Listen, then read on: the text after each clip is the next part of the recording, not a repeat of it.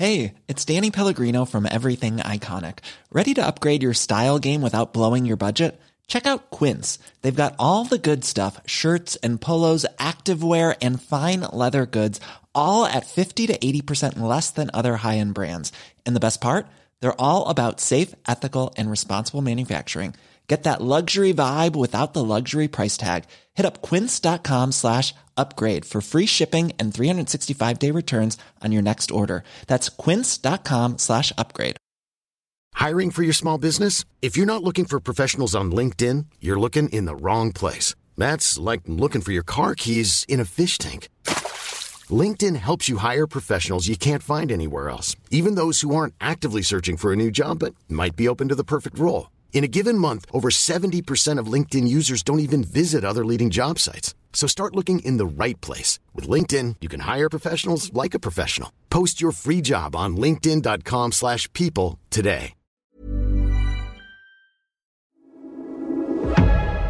Du lyssnar på GVS ljudböcker.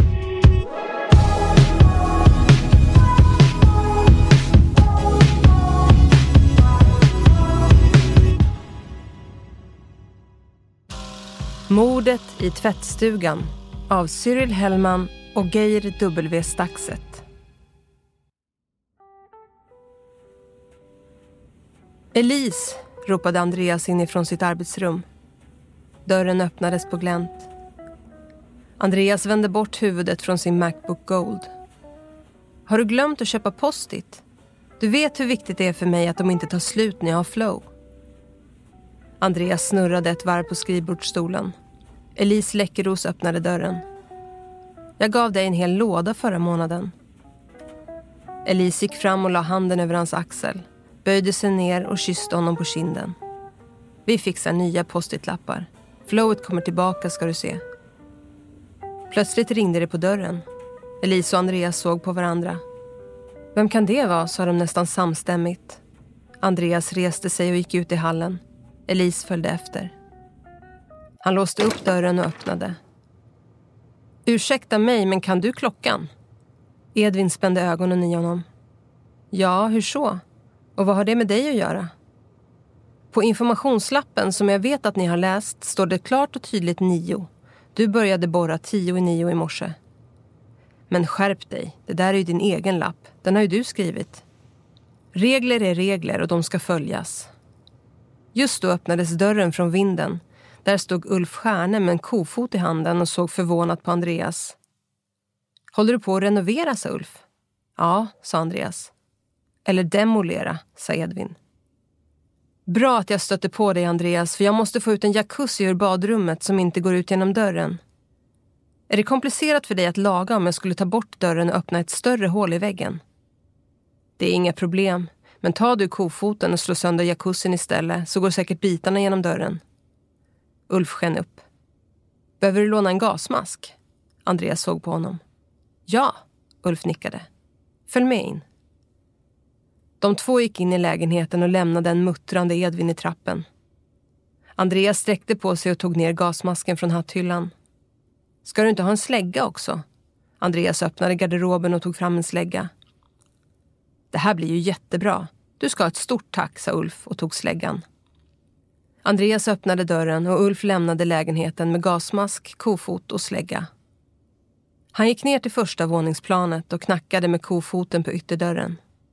William, öppna. Jag har händerna fulla. Jag är på väg. Snart öppnades dörren. Vilka prylar du har. Nu, min son, ska du få vara arbetare i ett par timmar.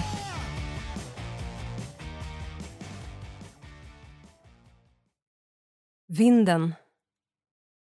Extrastämman med anledningen av försäljningen av Vinden och Dovhjortens sista bostadsrättsföreningsmöte för året, den 17 december, var som brukligt och som sig bör förlagd hemma hos styrelseordförande Ulf Stjärne.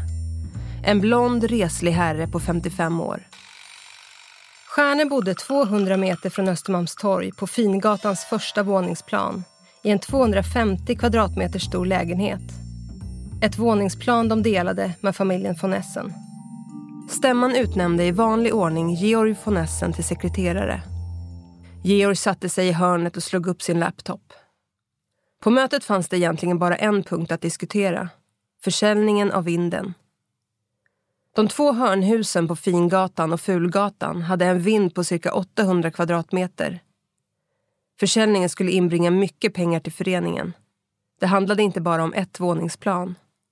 Ifall man lyckades göra om vinden kunde man dessutom bygga på ytterligare ett våningsplan, kanske rent av två.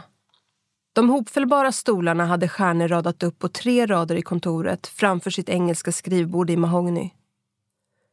Bara skrivbordet i sig sände ut signaler om makt och klass.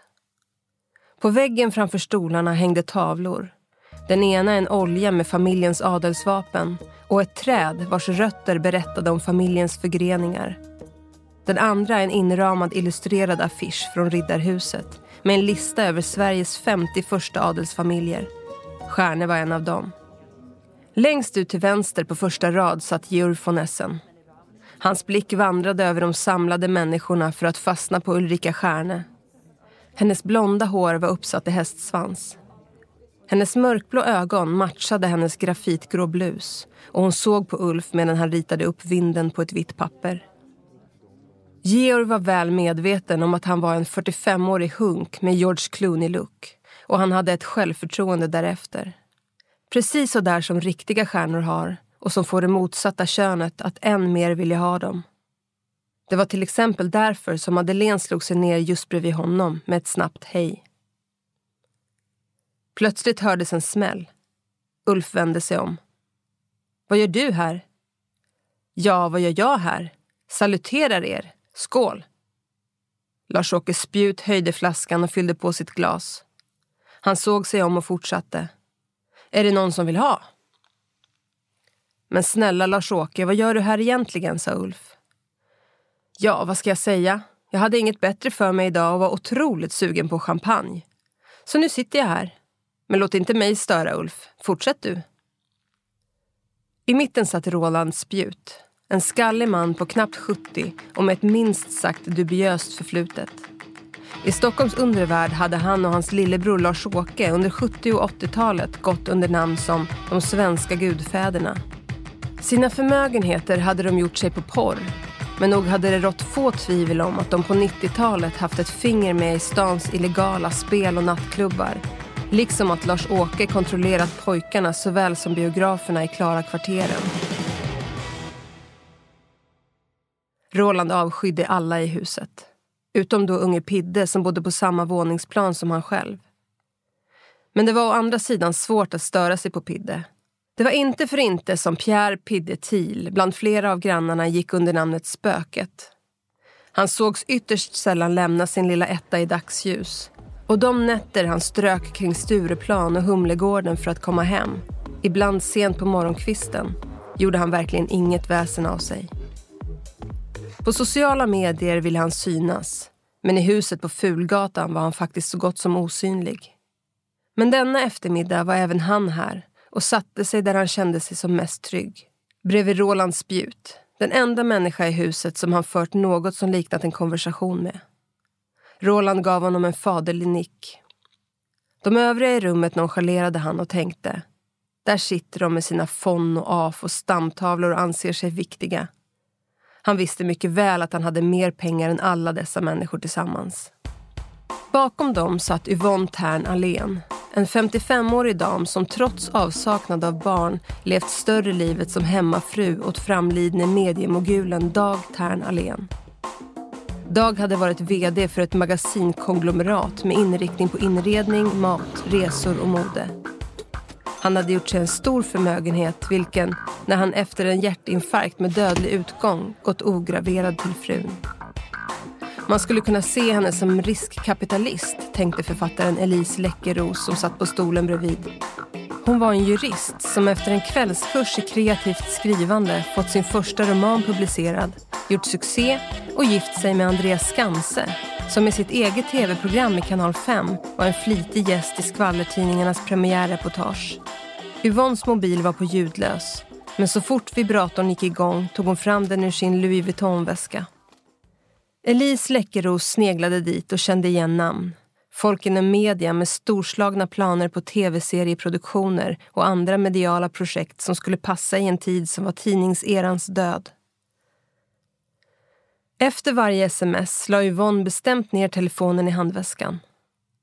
De här personerna skulle ringa igen och hon skulle antagligen bjuda hem dem på en kopp te för att på sitt alldeles speciella, faktiskt ganska sakliga sätt punktera eller lyfta fram deras planer.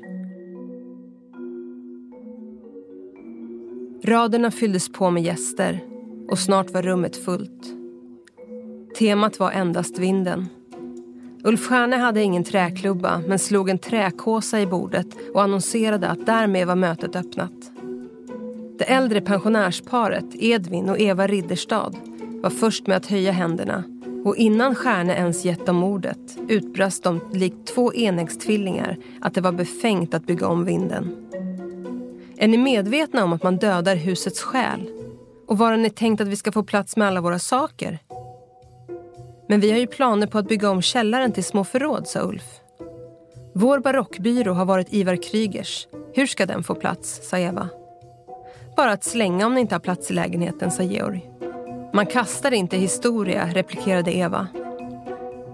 Roland Spjut, som hade sitt alldeles egna skäl att låta vinden förbli intakt, sa Vi ska se saken i vitögat. Förråden i källaren kommer inte att bli lika stora. Det är ett problem som kommer att drabba oss alla. Och ni har rätt i att man inte bara kan slänga saker. Just det. Eva och Edvin nickade instämmande. Käbblandet för eller mot vinden fortlöpte i över en timme. De flesta unga var för, medan de närmare pensionsåldern och uppåt var mot. Som för att markera med sin nya Patek Philippe drog Ulf upp skjortärmarna och bad alla att tänka på saken över juluppehållet. Många i huset, som Stjärne och von Essen, tog långledigt över jul så nästa extra stämma förlades till den 21 januari. Ulf satt ensam på sitt kontor och läste igenom protokollet från kvällens möte. Det hade varit hektiskt och han var trött, men det var lika bra att göra det nu. Han blickade upp från skrivbordet och där stod Ulrika i dörröppningen. Kan vi inte gå på bio ikväll? Vi har inte gjort det en enda gång i år, sa hon. Vi var ju på Dramaten i höstas. Jag har inte tid nu. Du vet att Nasdaq-börsen stänger om några timmar. Måste kanske handla med några optioner. Det var bara ett förslag, sa hon avmätt och vände. Jag vill inte så gärna påpeka det, men det är jag som drar in pengar. Kära du, vet du vad dina skor har kostat bara den här månaden?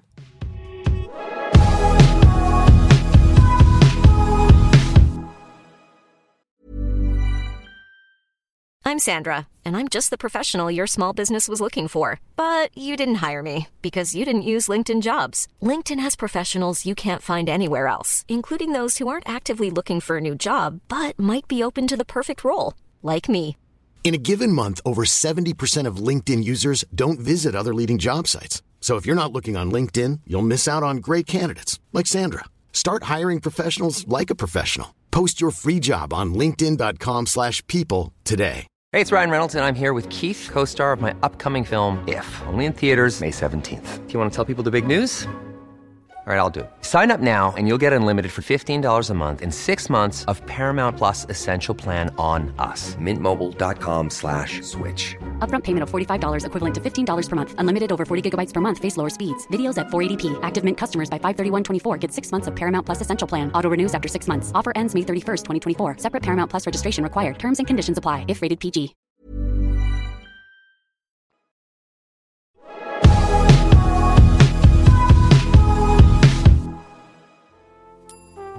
Det var julafton, men Mike Blancs butik Blanc Le Blanc på Fingatan hade inte stängt för det. Tvärtom var idag en dag då det slog upptagna män att de glömt bort att handla julklappar åt fruar och döttrar. Hos Blanc Le Blanc fanns allt vad en ung såväl som äldre dam kunde önska sig skoväg. Hit vallfärdade Charlotte Perrelli för att få sig de senaste skorna av Jimmy Choo. Men inte bara hon, utan även turister besökte affären för att köpa sig såväl näpna som eleganta skor av Balenciaga, Prada, you name it. Majken var personlig vän med kända skodesigners. Om dessa besökte Stockholm så inbokades ett sedvanligt besök som avslutades med en middag på Grand Hotel. Georg klev in i butiken. Det slog honom att han glömt bort sin frus skonummer. Han sa som det var till Majken. Hon gick in i rummet bakom kassan och var strax tillbaka med en låda med rött sammetsband runt kartongen. Det här är rätt storlek, sa hon och log. Georg lämnade tacksamt butiken. Just som han skulle kliva in i huset på Fingatan stötte han ihop med Roland som bar ett paket inslaget med rosa sidenrosett. Julhandel? Georg höjde på ögonbrynen. Mm, bara en liten leksak åt brorsan. Roland log finurligt och gick vidare runt hörnet in i porten på Fulgatan. Det fanns en anledning till hans leende. Paketet innehöll en skarpladdad rosa pistol, 9 mm, med lila patroner och blått hölster. Den var dekorerad med Hello Kitty-logga och blommor och gick väl ihop med hans närmaste bundsförvants färgstarka sidor. Vapnet var från USA och köpt av en av deras kontakter på en vapenmarknad strax utanför Bryssel. Roland hade precis varit på Odengatan och hämtat upp den under ett litet möte på Café Ritorno. Georg gick upp till första våningsplanet. När han satte nyckeln i låset dröjde han lite extra med att öppna ifall att han skulle ha turen att Ulrika dök upp. Så skedde inte. Istället gick han raka vägen in i vardagsrummet och hällde upp en konjak. Sen sjönk han ner i den bruna skinnfåtöljen. Han lutade huvudet bakåt och blicken fastnade på de vackra juldekorationerna i fönstret. Marianne hade verkligen pyntat fint i år. Han tänkte tillbaka på gårdagskvällen. De hade stått i köket och tittat ut över innergården. På de första snöflingorna som singlade ner. Han hade lagt armarna om Marianne och när han snusat henne i nacken hade hon lutat huvudet bakåt mot hans axel.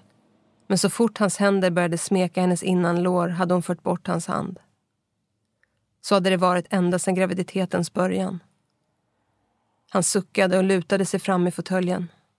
Frustrationen över att inte ha sex började ta över hela hans tillvaro.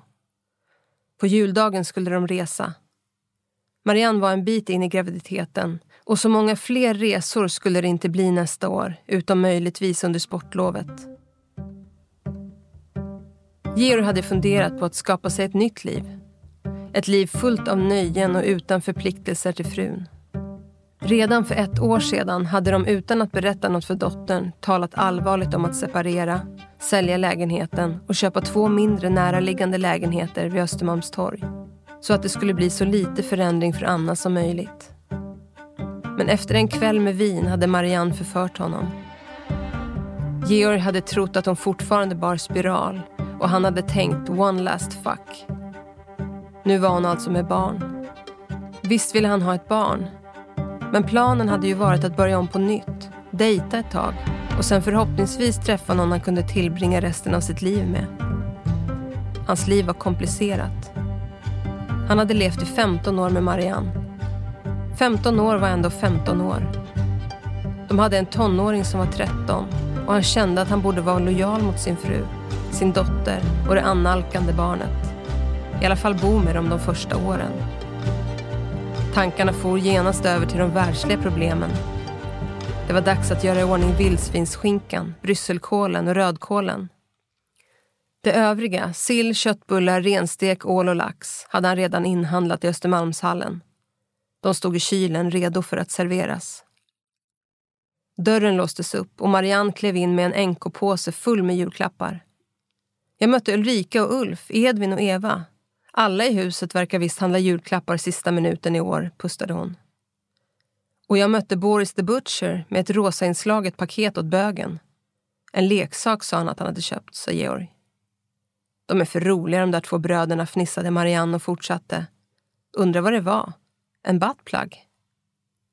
Georg såg på sin fru och kände att han faktiskt inte ångrade de senaste 15 åren. Hon var vacker och intelligent och nog älskade han henne. Marianne hade också köpt ett par exklusiva skor hos Mike Blanc till sig själv. Hon myste av känslan att äga dem.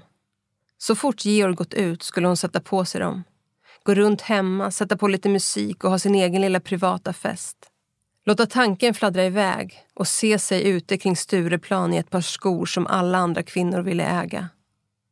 Även om hon redan hade fyra par var det här skor som hon kunde sätta på sig de dagar hon kände sig nere och njuta av att de var lika vackra nu som när hon inhandlat dem.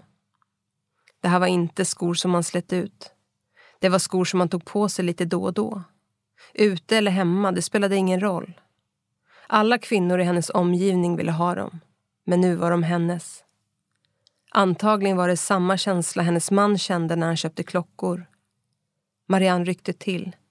Hon hade plötsligt känt en rörelse i magen. Den första sparken. Hon ville att Georg skulle lägga handen på hennes mage, men sparkandet hade upphört. Ulf Stjärne hade köpt ett runt smycke i vitt guld till Ulrika och en ny snowboardbräda till William. De skulle som vanligt åka till Alperna över nyår. I år hade sonen övertalat dem att resa till Chamonix. Bra snowboarding där för honom och telemark för Ulf och slalom för Ulrika. De hade hittat ett trevligt hotell i Le Morange och där fanns trevliga restauranger som Pai och Manchi med förstklassiga kökschefer. God mat var något han verkligen unnade sig här i livet. Pidde skulle inte fira jul i år heller med pappa och dennes unga kvinna i byn utanför Zürich. Han avskydde såväl Schweiz som sin far. Istället satt han denna julafton till bakgrundstonerna av hackspetten i Kalle framför sin Macbook och andades ut. Det som hade tagit månader att färdigställa i Photoshop var äntligen klart. Senaste karaktären han skapat en bild av hade Johnny Depps näsa och kindben, Hugh Jackmans hårfäste, Matthew McConaugheys ögon och Paul Walkers mun plus tre dagars skäggstubb. Bilderna var nerladdade från IMDB. Piddes alter ego på de sociala medierna hade han döpt till Roman Kristoff han var en världsvan miljardärsson och barn till oligarken Oleg Krystov som rörde sig hemtamt på klubbarna runt Stureplan som Spybar, Sturekompaniet, Miss Voon, Rish, Teatergrillen, White Room och Noppes. En man alla som var i den delen av stan, kvinnor som män, ville ha som följare på Facebook, Snapchat, Twitter och Instagram. En man som skulle marknadsföra nattens Stockholm. För det var under natten Pidde var verksam. Alla som var något skulle prata om och lajka hans uppdateringar. Och tids nog skulle stans mest attraktiva kvinnor vilja ha honom. På julafton var det bäst att likt vanliga människor hålla sig inne och ge sken av att Roman Krystov tillbringade juletiden med sin välbärgade familj. Och visst var även Piddes riktiga far, om än inte miljardär så ändå välbärgad. Hans far hade emigrerat till en liten by utanför Zürich för att därifrån styra sin annonsbyrå och leva ett lugnt och tillbakalutat liv med sin nya fru som med sitt ursprung i Caracas favela gjort sig ett uppköp i livet. Pidde avskydde såväl henne som sin far. Hon var ju anledningen till skilsmässan från hans mor fem år tidigare som föranlett att hans mor tagit steget från småalkoholiserad hemmafru till att inom tre år supa ihjäl sig. Det kunde han inte förlåta. Visst, han bodde i en etta som ägdes av hans far men i övrigt ville han inte veta av dennes pengar och valde att helt sonika leva på sjukbidrag. Likaså hade tanken på att fira jul eller födelsedagar med sin far sedan fem år sällan slagit honom. Kontakten far och son emellan var så gott som obefintlig. Redan annandag jul skulle Roman Krzysztofs debut i Stockholms nattvärd ske. Han började redan nu på julafton att göra i ordning sin Facebook-profil. Utbildning Yale University. Hometown Östermalm i Stockholm. Upper East New York. Yrke seglare. Civiltillstånd singel. Political view liberal. Under familj valde han att inte fylla i något. Sen fortsatte han att fylla i sig själv som Roman Krzysztof, Stockholm, New York på Twitter och Instagram. Han gick igenom Facebook och Instagram och addade offentliga personer med många vänner som alltså godtog vilka följare som helst. Dessa var golfspelare, tennisspelare, seglare, filmregissörer, skådespelare, festfixare, nattklubbsvärdar, finestbloggare, kvällstidningskrönikörer, podcastare, popmusiker, ståuppare, snälla rappare och politiker. Alla som önskade god jul likade han och ibland även med en kommentar som “Detsamma vännen” och önskar även dig och familjen en riktigt fin jul. På detta sätt såg han en väg att sprida sin persona. På juldagen hade Pidde bestämt sig för att se alla Star Wars-klassikerna i rad. Han var på väg till Coop för att ladda med chips och julmust när han mötte Roland med en väska i trapphuset. Ska du resa bort, sa Pidde. Nej, jag och Anita bor på hotell Diplomat i några dagar. Jag var bara hemma och hämtade lite förnödenheter, sa Roland. Låter trevligt, sa Pidde. Och du, har du någon juldejt, sa Roland. Nej, det är Star Wars på menyn. Pidde, jag vill inte lägga mig i ditt liv, men är det inte dags att du släpper Star Wars och träffar en kvinna? Du har stans vackraste kvinnor, kanske världens vackraste, runt hörnet från där du bor, sa Roland. Pidde blickade ner i marmortrappan. Du förstår, redan i tonåren när jag drev klubben bakom Östra Real räknade jag ut att överklassens kvinnor är vackrare än övriga befolkningen. Visst hade vi gäster från större delen av Stockholms innerstad men efter att ha bockat av alla de snyggaste brudarna i medlemsklubbens kartotek upptäckte jag att 90 procent av de snyggaste tjejerna kom från överklassområden. Orsaken är mycket enkel. Välbärgade män får vackra kvinnor och därmed vackra döttrar. Man kan däremot inte säga att välbärgade män själva är vackra, men de har vackra fruar. Så man vet inte hur länge det där håller. Det är lurigt det där med DNA. Så du måste passa på, för snart är det kört när det blivit inavel i kvarteret. Jag fattar, sa Pidde och öppnade porten. De gick ut på Fingatan. Mycket vet vi inte, men vi vet att tiden går. Tick-tack, tick-tack. Roland log faderligt och svängde ner mot Strandvägen. Annandag jul. Klockan var tio på kvällen när Pidde kickade igång sin EU-moppe och styrde färden mot Smålandsgatan. Han gick in på Facebook och checkade in sig på Noppes. Sen gick han in i porten bredvid på Teatergrillen. Även där checkade han in. Han stod i baren och beställde en Coca-Cola. Plötsligt kände han hur någon bakifrån kommit fram och täckt hans ögon med sina händer. Hej på dig Pidde, vad kul att se dig här. Är du här ofta? Pidde vände sig om och där stod hans granne från Fingatan, Elise Läckeros. Nej, faktiskt första gången jag är här. Jag och mina kompisar går ofta hit. Vi sitter vid bordet där om du vill komma över. Läckeros pekade mot ett bord runt om vilket satt fyra medelålders kvinnor. Han kände igen en av dem som författaren Kajsa Rydén. På mitten av bordet stod en platå med ostron omgiven av champagneglas. Nej, jag måste vidare, men det var trevligt att träffas. Pidde svepte halva sin Coca-Cola och ställde ifrån sig flaskan på bardisken. Han vände åter till Fulgatan och satte sig och såg på ett streamat avsnitt av Breaking Bad. Han drog i sig en lina av amfetaminet som han fått av Roland. När Roland hade frågat Pidde varför han varken arbetade eller studerade hade denne anförtrott Roland att han var sjukskriven för grav ADHD. Varken Ritalina eller Concerta som läkarna skrivit ut hjälpte. Men Roland hade många vänner med liknande symptom och var av åsikten att det enda som hjälpte vid den typen av ADHD var riktigt rent amfetamin. Och det hade hjälpt Pidde. Tidigare hade han bara kunnat fokusera när han spelade datorspel. Sedan han börjat med små doser riktig amfetamin kände han ett sånt lugn att han numera kunde läsa en fantasyroman. Klockan var runt ett på natten när han gick ut och kickade igång sin moppe. Han styrde färden åt Smålandsgatan och parkerade. Han passerade Rish och gick vidare till Strandvägen 1. Pidde var allt annat än utåtriktad. Men amfetaminet hade gett honom det mod som krävdes för att närma sig främmande människor. Han beställde ett glas tonic med is och citron så att det skulle se ut som en drink. Med sin iPhone fotograferade han sen diskret en ishink med champagne och tre glas bredvid. Han la upp fotot på Facebook, Snapchat och Instagram och checkade in på Strandvägen 1. Han såg inte bara en vacker, påtagligt berusad tjej utan fem, sex, sju stycken. Han gick fram till var och en och frågade.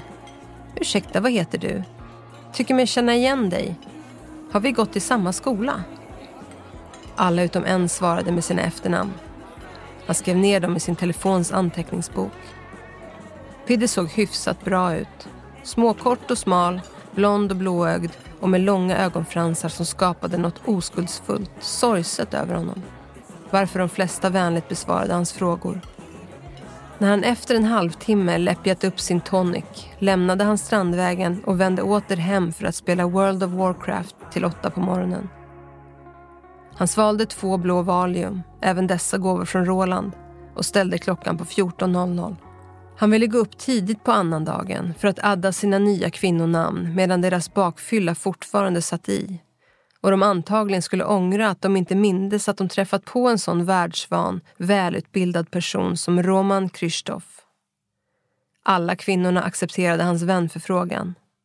Några till och med skrev till honom sånt som “Hur mår du?” och “Vad jobbar du med?” Han gillade allt vad hans nya vänner skrev. Snart strömmade ännu fler nya vänner till. Tre dagar senare, på nyårsafton, tog Pidde sin moped och fullföljde samma nattliga procedur som på annandagen. Denna gång på Teatergrillen och Sturehof. Han tog sin moppe och körde till Grand Hotel för att checka in på restaurangen. Han såg på sin Facebook-sida att han redan hade 30 nya vänner. 19 av dem vackra kvinnor. De övriga var män med överklassnamn som tillströmmat när han likat sina nya väninnors statusar. Vilken utsökt hummer, skrev han på sin status. Sex av hans nya vänner likade tillbaka. Någon skrev, skulle vilja vara där och dela den med dig.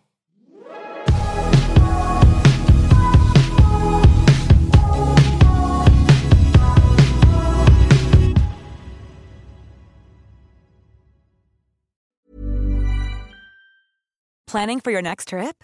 Elevate your travel style with Quince. Quince has all the jet setting essentials you'll want for your next getaway, like European linen, premium luggage options, buttery soft Italian leather bags, and so much more. And is all priced at 50 to 80% less than similar brands. Plus, Quince only works with factories that use safe and ethical manufacturing practices. Pack your bags with high-quality essentials you'll be wearing for vacations to come with Quince. Go to quince.com slash pack for free shipping and 365-day returns. When you make decisions for your company, you look for the no-brainers. And if you have a lot of mailing to do, stamps.com is the ultimate no-brainer. It streamlines your processes to make your business more efficient, which makes you less busy. Mail checks, invoices, legal documents, and everything you need to keep your business running with stamps.com.